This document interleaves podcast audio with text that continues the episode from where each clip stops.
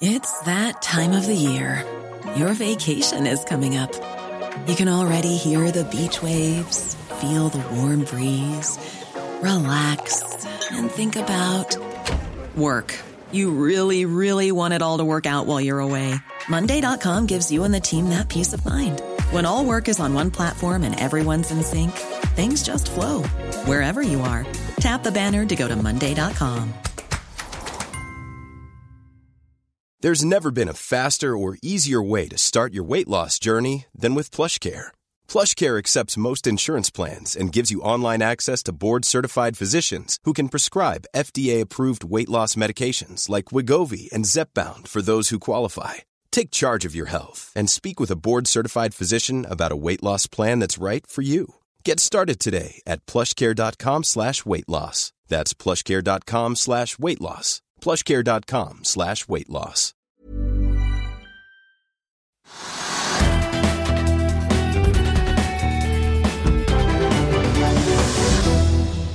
God mandag alle sammen, og velkommen til Økonominyhetene på denne 12. desember, der børsen er ned og mange bytter jobb. I dagens sending skal vi høre fra den nye sjefen i Mersk, og vi får også besøk av den tidligere sjefen i Bergen Carbon Solutions, som nå satser på batterier. Og vi skal selvfølgelig gi deg en oversikt over dagens viktigste nyheter, nå som vi sparker i gang en ny uke helt på tampen av året. La oss begynne med å titte på markedet akkurat nå. Hovedindeksen på Oslo Børs falt jo 1,1% i forrige uke, og i dag har vi ikke klart å få til noe særlig løft. Vi ligger ned en 0,3 og tidligere i dag så, så vi at eh, hovedindeksen lå ned drøye halve prosenten. Det skjer etter at eh, Wall Street tikket nedover på fredag. Nasdaq-indeksen eh, ledet da han faller blant de tre store indeksene med en nedgang på 0,9, og både SMP 500 og Dow Jones Industrial Average endte ned 0,7% begge to.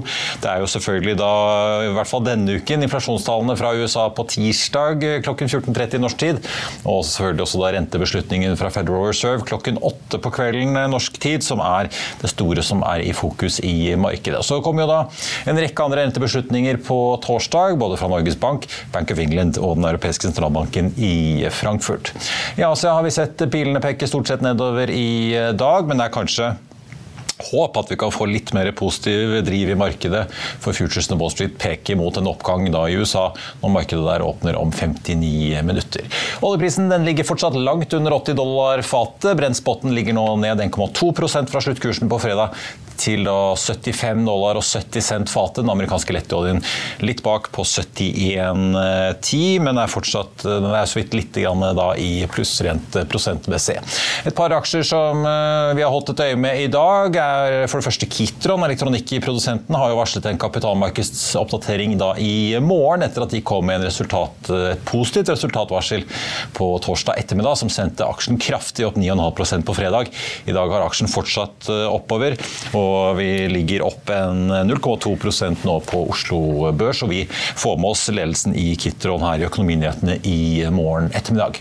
Fearnleys Securities-analytiker Magnus Solheim tar opp dekning på solselskapet Otovo og mener selskapet er citat, en attraktiv investeringsmulighet med betydelig takhøyde. Meglerhuset og analytikeren setter eh, kursmål 28 kroner på Otova-aksjen og gir den en kjøpsanbefaling. Otova er i dag opp Eh, nesten 3% til 20 kroner og 55 øre. En annen aksje som har gått mye i dag, Hynion, de meldte mandag morgen at de etter lang tids ombygging og granskning av både sertifiseringsorganer og redningstjenesten i Göteborg ja, har fått grønt lys for å sette hydrogenstasjonen i byen i drift. Og den nyheten sender aksjen opp nesten 40% på et relativt eh, høyt volum. I hvert fall til den aksjen å være. Sjømataksjene er det også bra fart i dag, i hvert fall de fleste av de, når de er ute med en ny sektorrapport og løfter både anbefalingene på Bakkafrost, Lerøy og SalMar fra hold til kjøp. Og de legger inn en prisforventning på lakseprisen i snitt på 80 kroner neste år. Bakkafrost er så vidt i pluss i dag. Lerøy stiger 4% og SalMar er opp 1,4% Sjømatindeksen på Oslo Børs ligger for øvrig opp 2,1% nå. Og Det er da SalMar og Movi som er Nordeas favoritter i sjømatsektoren akkurat nå. Movi stikker på sin side opp 3,2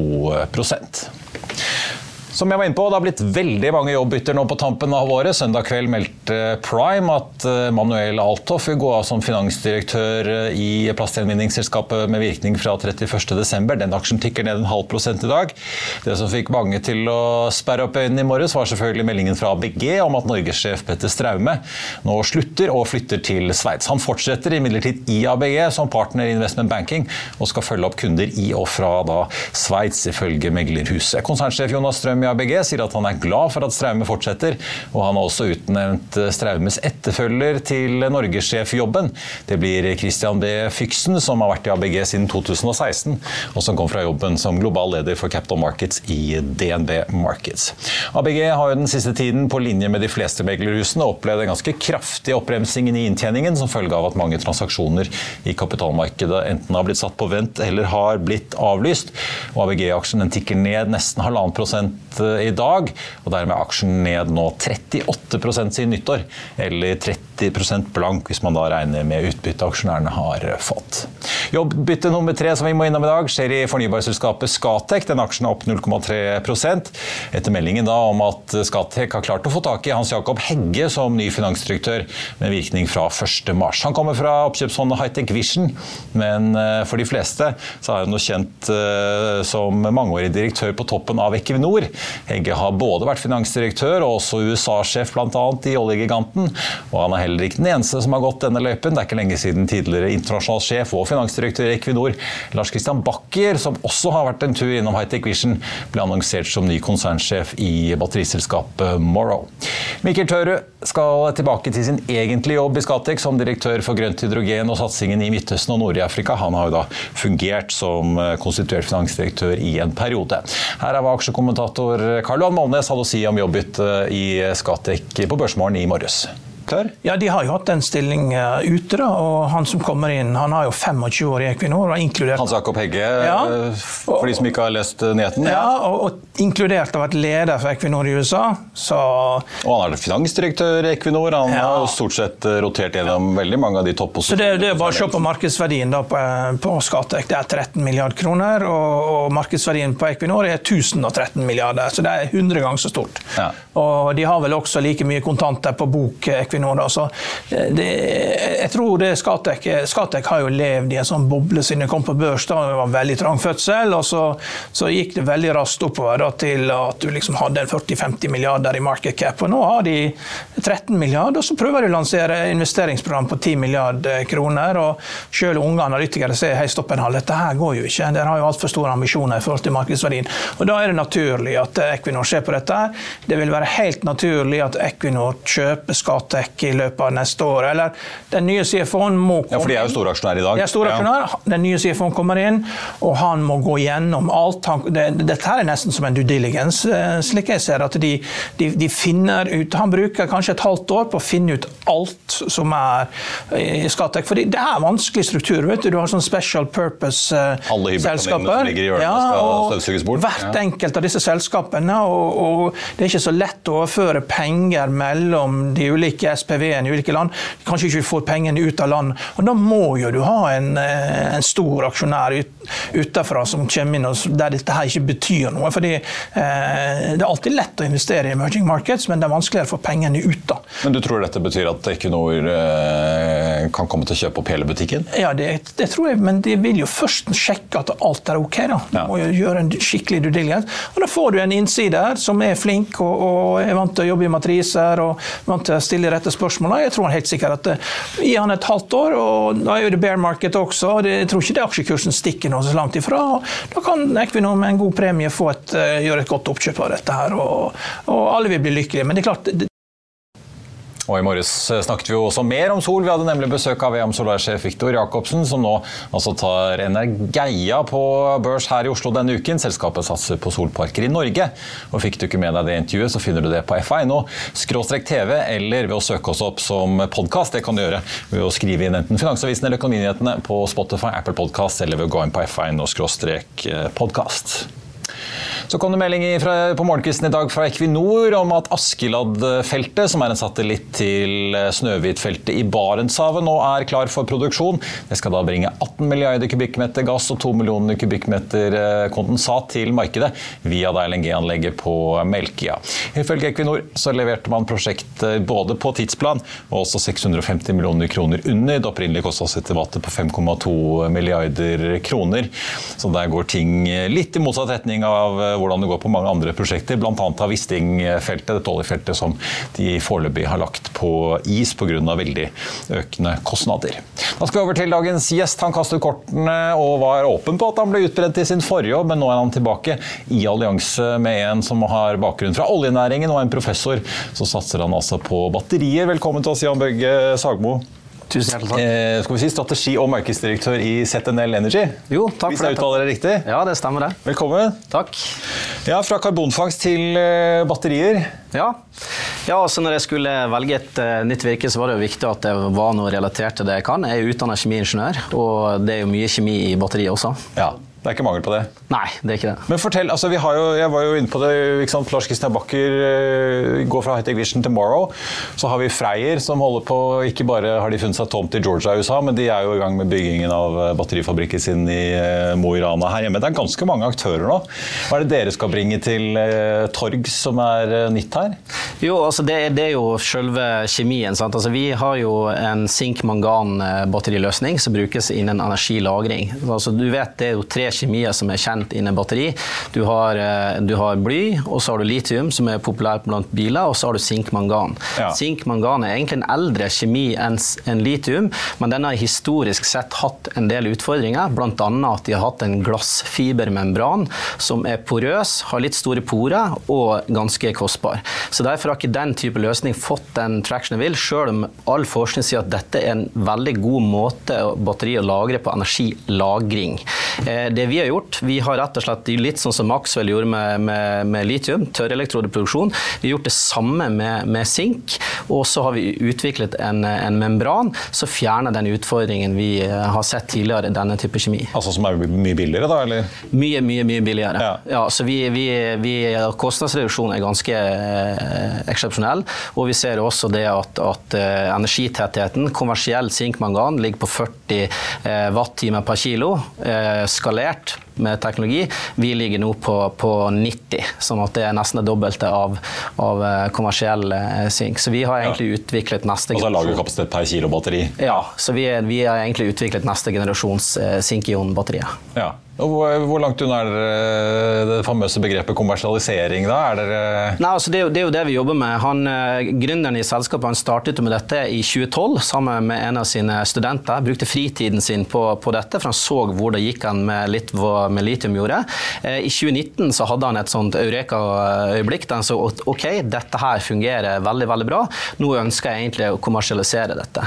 Jeg kom inn som, som investor, egentlig, og skulle sitte i styret og skulle en av mine første Altså biprosjekt i tillegg til karbonfangsten? Ja. ja, det var egentlig det. Altså, jeg hadde jo fått litt penger, som du vet, og tenkte å investere. Og det var en som heter Markus Andreas Olsen som, som tok meg med inn i dette. Dag Skansen, som også var tidligere styreleder i BSS, er også på eiersiden. Så vi var en konstellasjon som, som gikk sammen.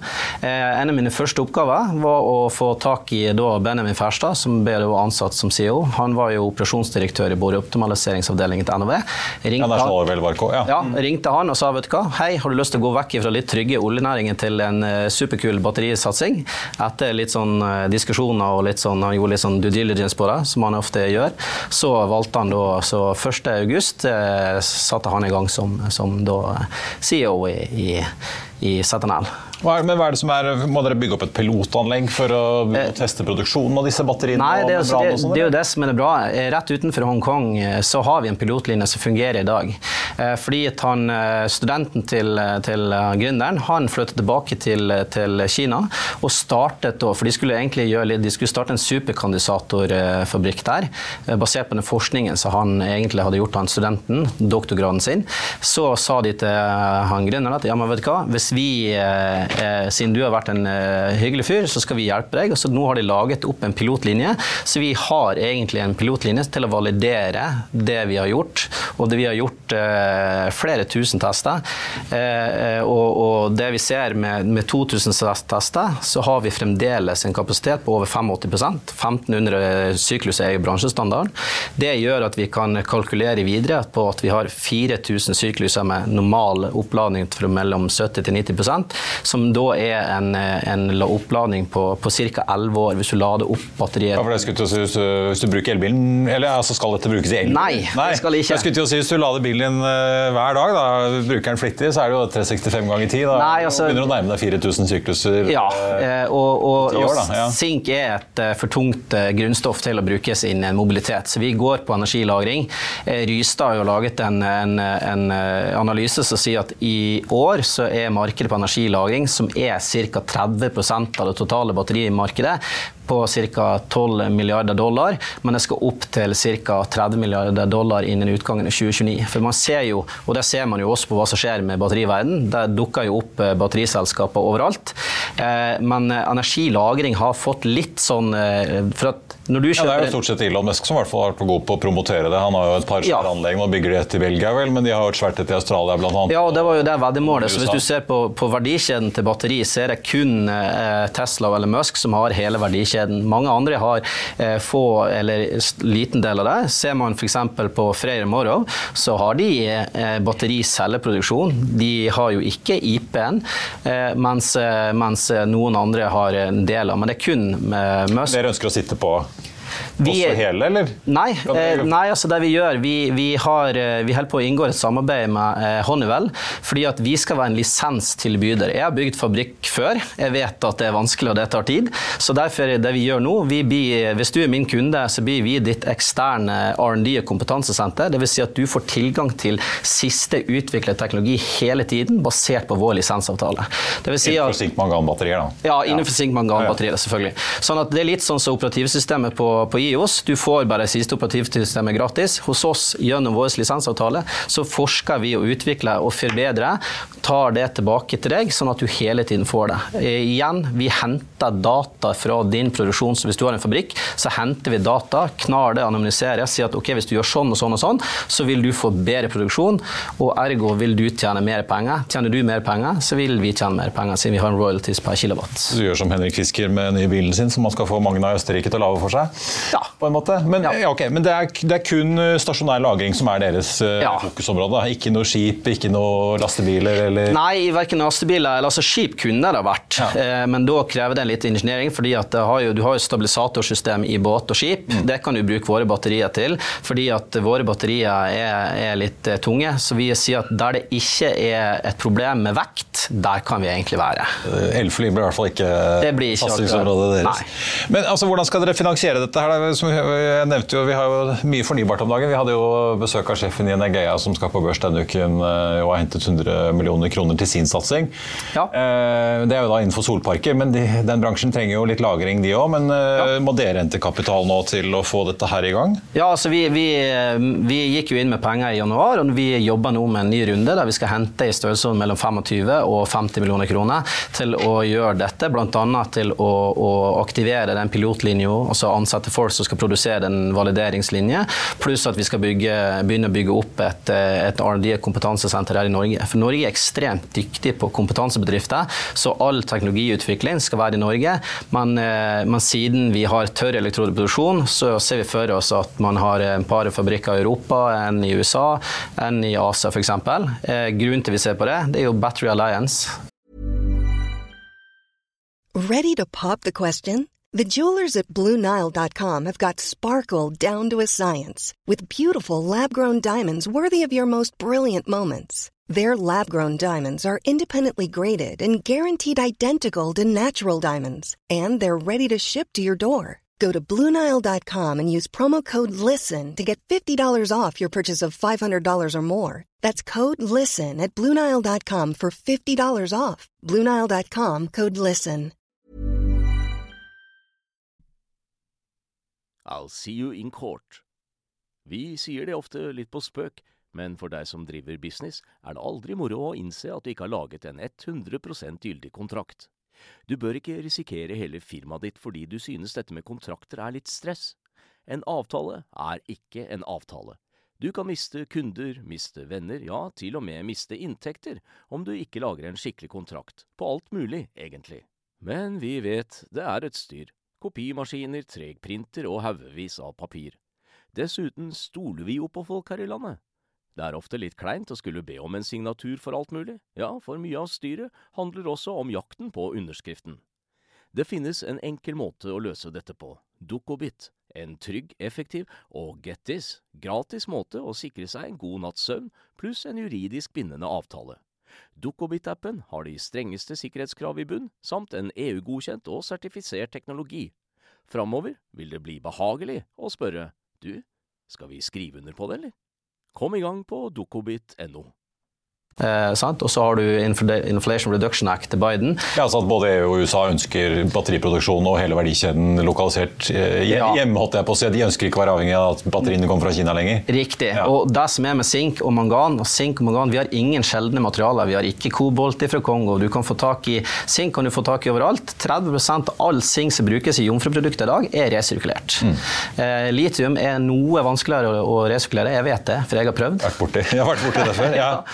Oh, ja, ok. Så, men, men altså, store fabrikker, det blir i så fall da Honeywell eller andre potensielle kunder og lisenspartnere som, som Ja, altså, Honeywell, Honeywell, eh, hjelper oss med å lage en blueprint på fabrikken. Sant? For at hvis vi, Når vi går inn i en lisensavtale eller er for en lisenskunde, så har vi hele Honeywell ryggen som kan være med og, og, bistå den kunden med å sette opp en blueprint på hvordan fabrikken skal se ut. Mm. Det vil si at Du trenger ikke bruke flere år på å finne underleverandører. Vi har alt, så du kommer nesten til duk og dekket bord. Men dere skal ikke i hvert fall finansiere opp uh, dette på deres egen balanse? Altså Nei. Det, det kan være at dere henter mer enn 50 millioner, men det blir ikke sånne voldsomme milliardsummer som det er mange det, det blir ikke, det blir ikke. For vi ser jo andre aktører. Sant? De har hentet milliarder på milliarder, og de skal ha mange mange, mange tusen ansatte. Det viser seg å være vanskelig. Eh, 24M er en av eh, lisensleverandørene til bl.a. til Freyr. De har 100 ansatte, og de tjener greit med penger. Eh, vi ønsker heller å være en lisenstilbyder og levere siste utviklet teknologi på Sinkmagan til våre kunder og på den måten kan vi kommersialisere raskere. Så vi jobber jo allerede nå, og vi har stor interesse for det. Så vi ser for oss at, at, at de første kundene vil vi signere en eller annen gang i neste år.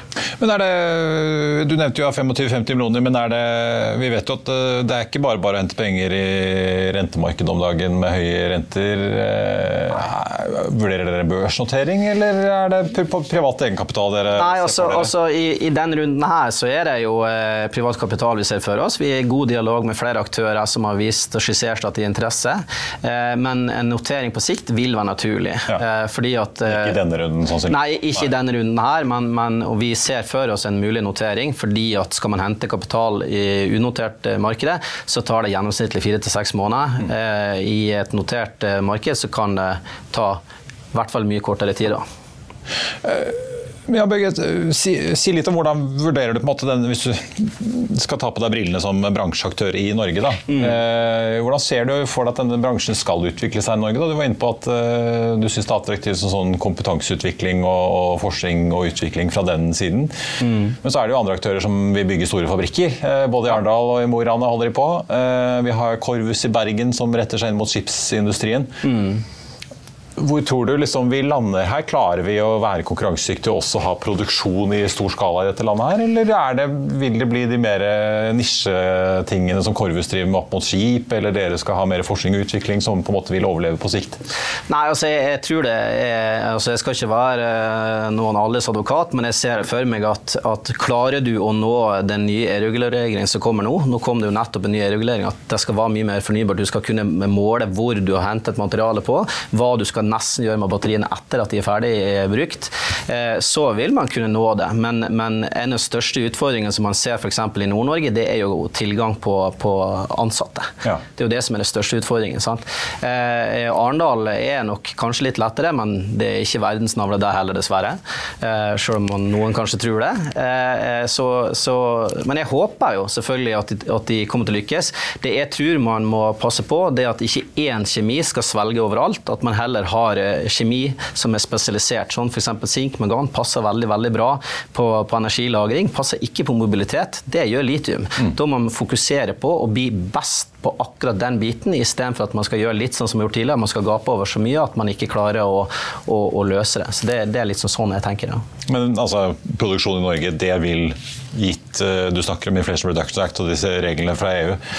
Ja, altså har jo... Det må, måte, det må være for det europeiske markedet i all hovedsak? da. Ja, altså Battery Alliance sier jo at, og, og Norge er jo en, en, del av EU, så der vil jo markedet være en stor mulighet. Eh, Freyr har jo skjønt dette. Gigafactory Georgia, f.eks. Inflation Reduction Act til Biden er jo nettopp det de adresserer der. sant? Så de ved Volvo og BMW-fabrikken i Sør-Carolina? Mm. Ja, ikke sant? Altså, du, du ser hvordan, de, hvordan tanken er. for Man har jo gått for en veldig globalisering til at nå skal vi sikre våre egen verdikjede. Vi skal passe på oss selv. Eh, og er det nå engang sånn at markedet er nok ikke utfordringen når det kommer til batteriet. For at man ser det at markedet er så vanvittig stort at alle som har en kjemi som faktisk kan kommersialiseres, vil med stor sannsynlighet få kunder. Eh, ser man f.eks. det som skjer i Europa med Russland og gassproduksjonen de skal, skal du elektrifisere Europa, så finnes ikke noe kobber i verden til å klare å gjøre den endringen. For at strømnettet er ikke dimensjonert opp til det. Du er nødt til å ha batterilagring som kan ta noe av de pikene. Mm.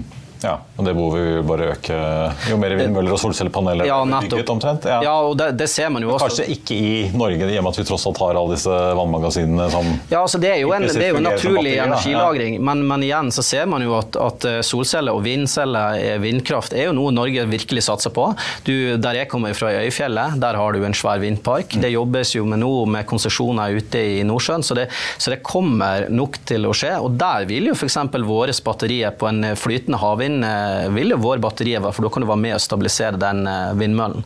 Så der vil det jo være naturlig. Sant? Du må ha eh, batterier til å kunne lagre noe av strømmen, for sol og vind det er ferskvare. Mm. Vind blåser når den blåser, og solen skinner når den skinner. Skulle gjerne skint mer i Norge, men, men sånn er det nå en gang. Ja. Jeg ser for meg folk med elbiler løper rundt med ladekabelen for å rekke å få litt strøm før systemet stenger ned og vinden slutter å blåse. Lykke til. Takk skal du ha for at du kom. Så blir det spennende å følge både kapitalinnhentingen og utviklingen videre. Tusen hjertelig takk for det. Vi skal eh, til shipping og den danske giganten Mersk, som har ansatt Vincent Klerk som ny toppsjef etter Søren Skau med effekt fra 1.1. Bloomberg har snakket med den nye toppsjefen om veien videre for rederikonsernet. Explain to us the board's thinking in making this change at the top and how you're thinking about any changes to the strategy for Maersk in the years ahead. Good morning. Uh, I think the, the, the, the, thinking of the board was that after you know two years of very very abnormal markets, we're clearly hand, uh, landing now into a very different world from the one that we knew prior to the pandemic in 2019. A lot of things have changed. And we're heading into a season now with uh, energy crisis where our customers are impacted, where a lot of the challenges that we have uh, will require a strong, strong focus across the organization. What we have also developed over the past few years is a strategy that works extremely well, that can cope with this, even if some of these challenges will require extra effort. And so they, they felt that making a change at this time, uh, as we just signed off on, uh, on, on, a record uh, year in the history of the group, was really giving the opportunity for, for a new team to step in and look at the world, the new season that we have ahead of us with a, with a fresh pair of eyes and, and really be able to take the company through this from a strategic perspective, we're going to continue the execution of that strategy. It has led us to, uh, I think, very successful performance in the last uh, few years. The team is fully bought into what uh, we have to do, and customers are yeah. really excited about uh, about what we're going to market with. Uh, Mr. Clerk, container freight rates are falling pretty drastically. How are you planning to reverse that? Yeah. So what we're seeing is after the couple of years of uh, of very high uh, demand uh, during the pandemic, we're, we're, seeing an inventory correction right now. We had expected that. Uh, we see a, a, rapid normalization of freight rates in in the short run. They are likely to uh, to possibly undershoot a little bit for, for a period as uh, as our customers actually right now correct inventories and, and, and therefore move fewer volumes than what they normally uh, need to from, a, from an underlying consumption perspective. So what we're, what we're doing here is, is really a strong focus on our cost base.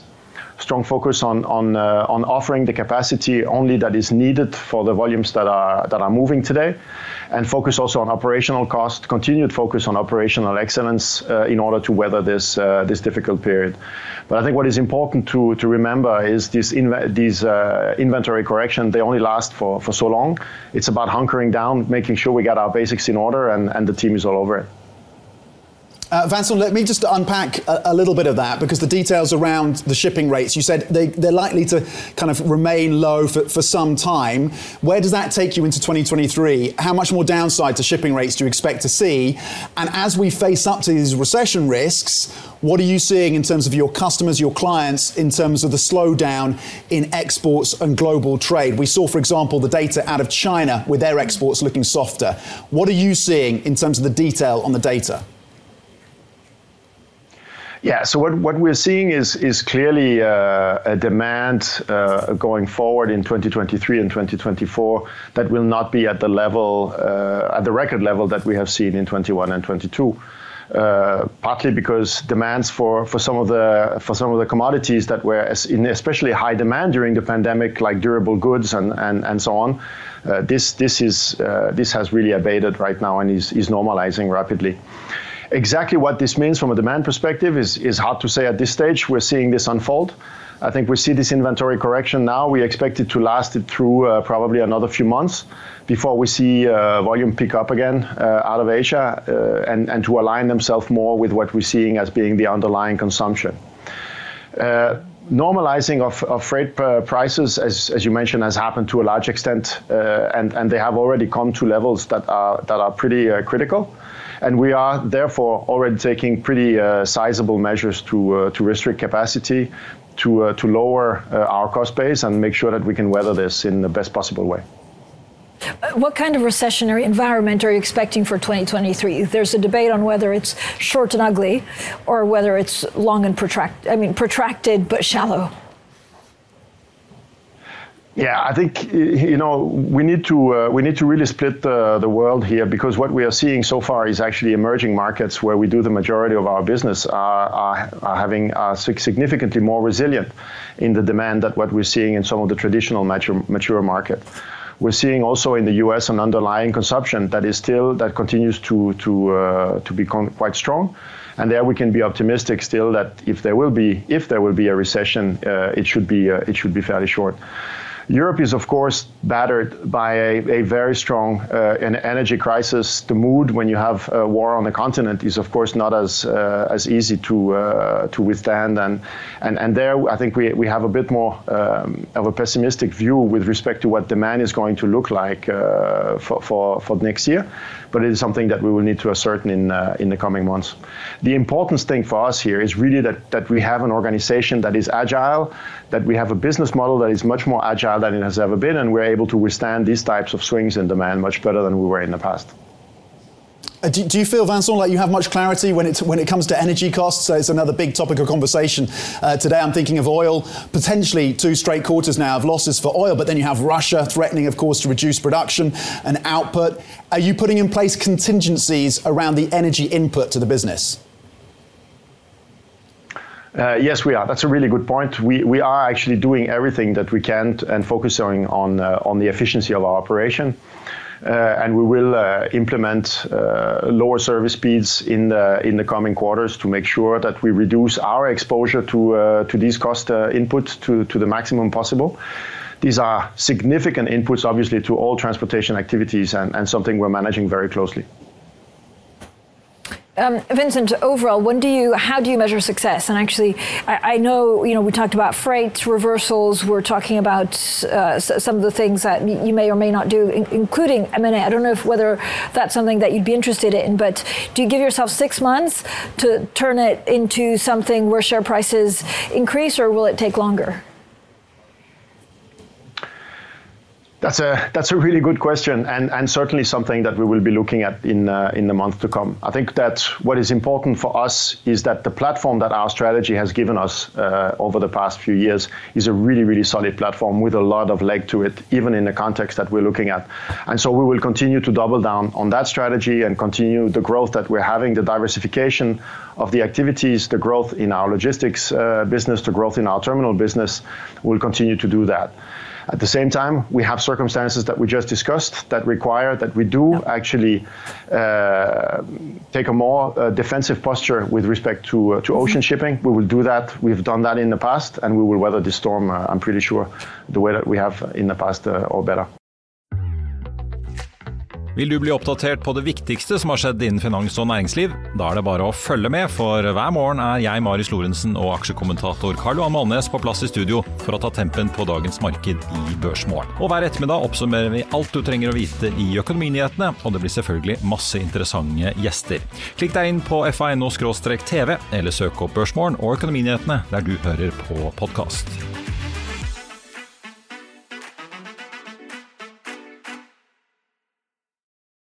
Velkommen tilbake. På tappen av sendingen tenkte jeg vi bare skulle eh, ta en liten titt på eh, aksjene vi har snakket om i dag. Hovedindeksen er ned nå 0,4% Kitron har eh, bikket så vidt ned i rødt territorium, ned 0,2 Det kom jo da en kapitalmarkedsoppdatering fra selskapet i morgen etter resultatvarselet vi fikk da torsdag ettermiddag, som sendte aksjene opp 9,5 da på fredag.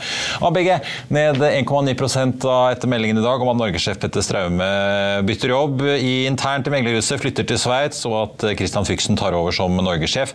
Skatec tikker oppover 0,3% på nyheten om at Hans Jakob Hegge fra Hightech Vision blir da eh, finansdirektør i selskapet.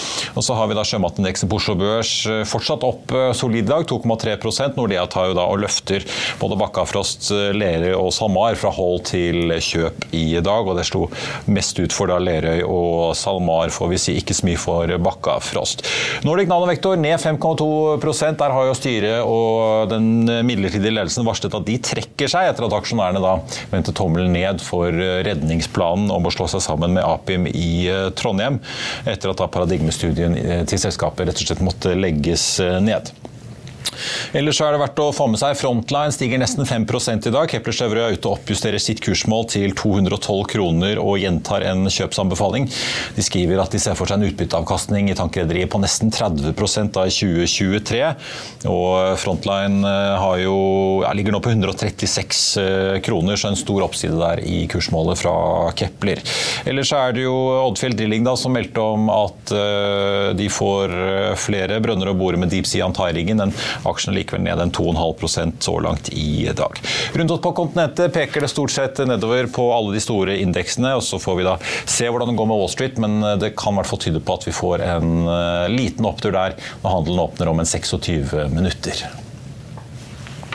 I Finansavisen i morgen så kan du lese Trygve Egnars leder om en lærepenge for næringsminister Jan Christian Vestre. Du kan lese om EU-kommisjonens president Ursula von der Leyen som advarer om en ekstrem gassmangel på kontinentet neste år. Så blir det børsintervju med Carnegies analysesjef Johan Strøm. Og så kan du lese om at Russland eier masse leiligheter like ved Det kongelige slottet her i Oslo. Og Det var det vi hadde i dag, men husk at vi er tilbake igjen med Børsmorgen 08.55 i morgen, og deretter med Økonominyhetene 14.30. I mellomtiden så får du som alltid siste nytt på F1. Mitt navn er Marius Thorensen. Tusen takk for at du så eller hørte på, og så håper jeg vi ses igjen i morgen.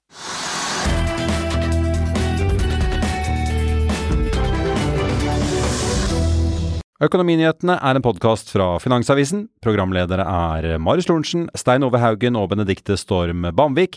Produsenter er Lars Brenden Skram og Bashar Johar. Og ansvarlig redaktør er Trygve Hegnar.